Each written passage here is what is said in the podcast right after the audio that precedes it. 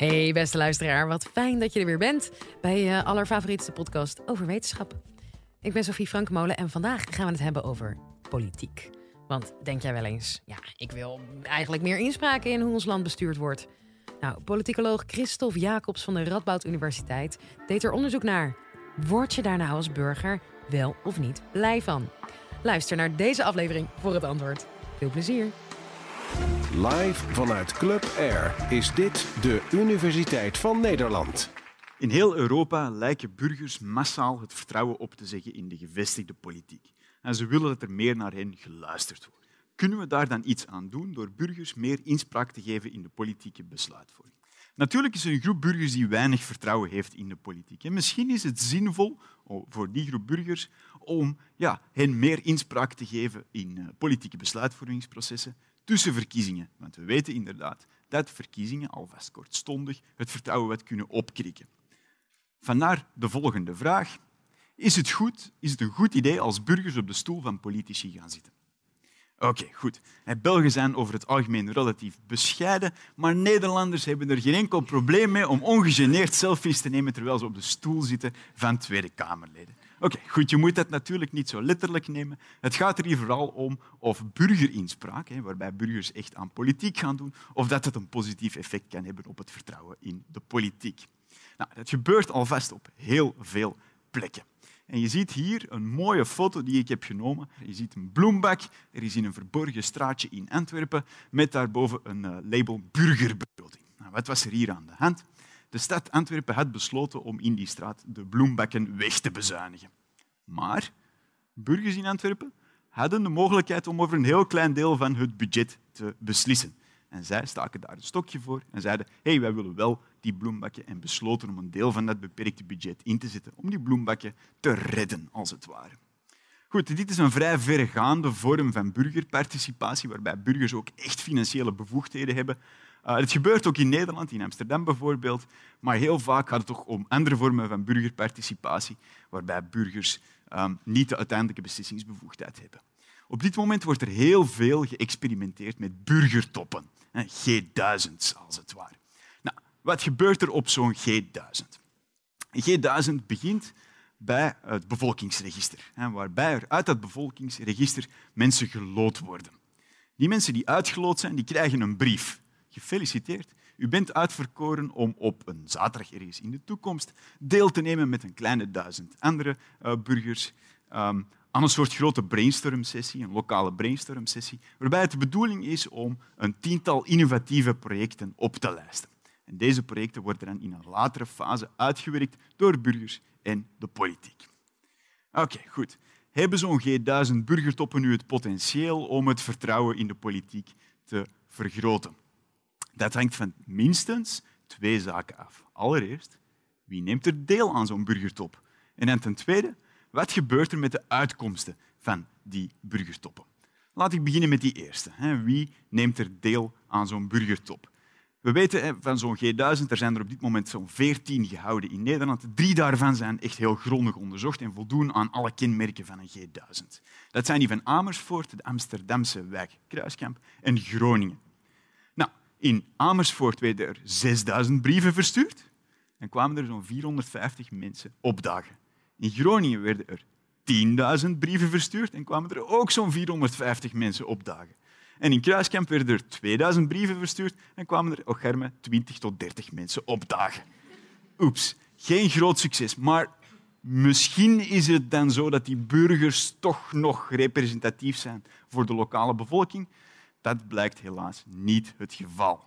Het zijn grotendeels blanke, hoogopgeleide ouderen die je daar ziet terugkomen. Bovendien zijn dat mensen die ook al veel vertrouwen hebben in de politiek, die ook lokaal gaan stemmen en die al deelnemen aan burgerparticipatieprojecten. Niet meteen de juiste doelgroep dus. Sowieso veel meer de usual suspects, als het ware. Je kan dat deels opvangen door mensen te betalen om deel te nemen aan burgerparticipatie, maar dat gaat toch een beetje in tegen de geest van zo'n G1000 burgertop. En zelfs dan lukt het niet helemaal om die vertekening weg te werken. En bovendien, als burgers zo graag aan politiek zouden willen deelnemen, waarom is het dan zo moeilijk om ze binnen te halen? Goed, dat is het eerste deel. Dus niet de juiste doelgroep. Maar dan ten tweede, wat gebeurt er met de uitkomsten van zo'n burgertop? Die worden grotendeels genegeerd door de politiek. Heel interessant. Ze worden grotendeels genegeerd.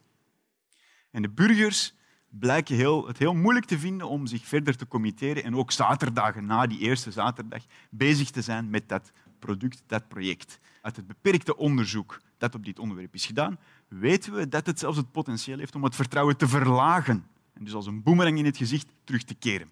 Kortom, van burgertoppen moeten we geen mirakels verwachten. Als alternatief voor zo'n burgertop worden vaak referenda genoemd.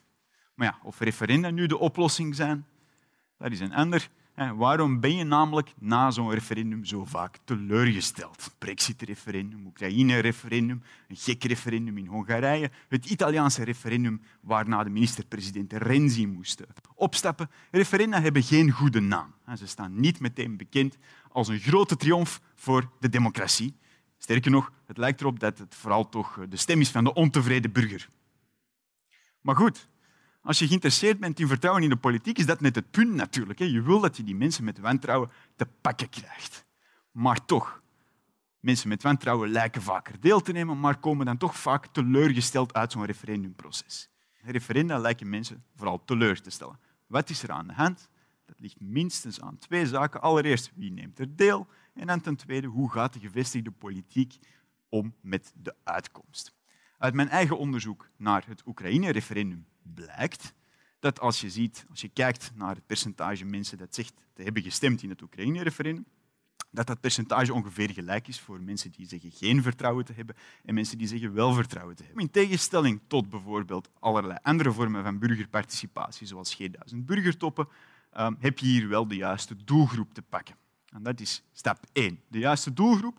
Maar wat gebeurt er met de uitkomst van zo'n referendum? Heel velen van jullie zullen ongetwijfeld denken dat referendumuitkomsten genegeerd worden. En dat is heel interessant. Uit het onderzoek van de Tilburgse bestuurskundige Koen van der Krieken, en die heeft een hele mooie dataset samengesteld waarbij hij alle lokale referenda in Nederland sinds 1906 heeft verzameld.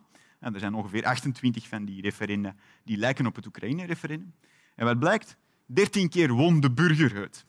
En één keer was het inderdaad zo dat de gemeenteraad de uitkomst negeerde. Dat was Voerendaal 2003, voor zij die daar niet geïnteresseerd zijn. Dat ging over uh, ja, gemeentelijke samenwerking, altijd een explosief thema. Uiteindelijk besloot de gemeenteraad 8 tegen 7 om, dat, uh, om die uitkomst uh, niet door te voeren.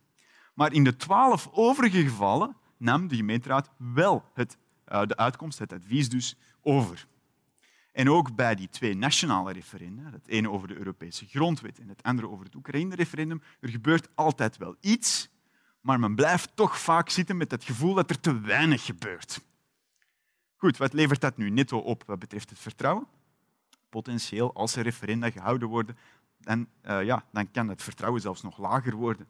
En waar ligt dat aan? Dat ligt aan het feit dat referenda polariseren en dat ze het gevoel opleveren dat er niet wordt geluisterd is het goed voor de democratie als jij meer inspraak krijgt.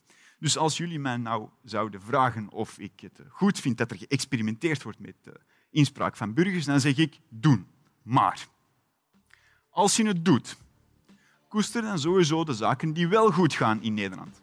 Verwacht er geen mirakels van. En ten derde, en dat is het allerbelangrijkste, neem het serieus. Dat was Christophe Jacobs. Ik hoop dat je het een boeiend college vond. Hey, en ken jij, of ben jij nou ook een wetenschapper die je graag hier in deze podcast een keer zou horen?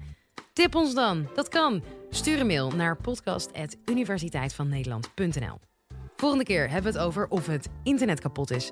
En nee, niet jouw wifi. Maar wel, ja, nou ja, weet je, luister maar gewoon lekker. Tot dan!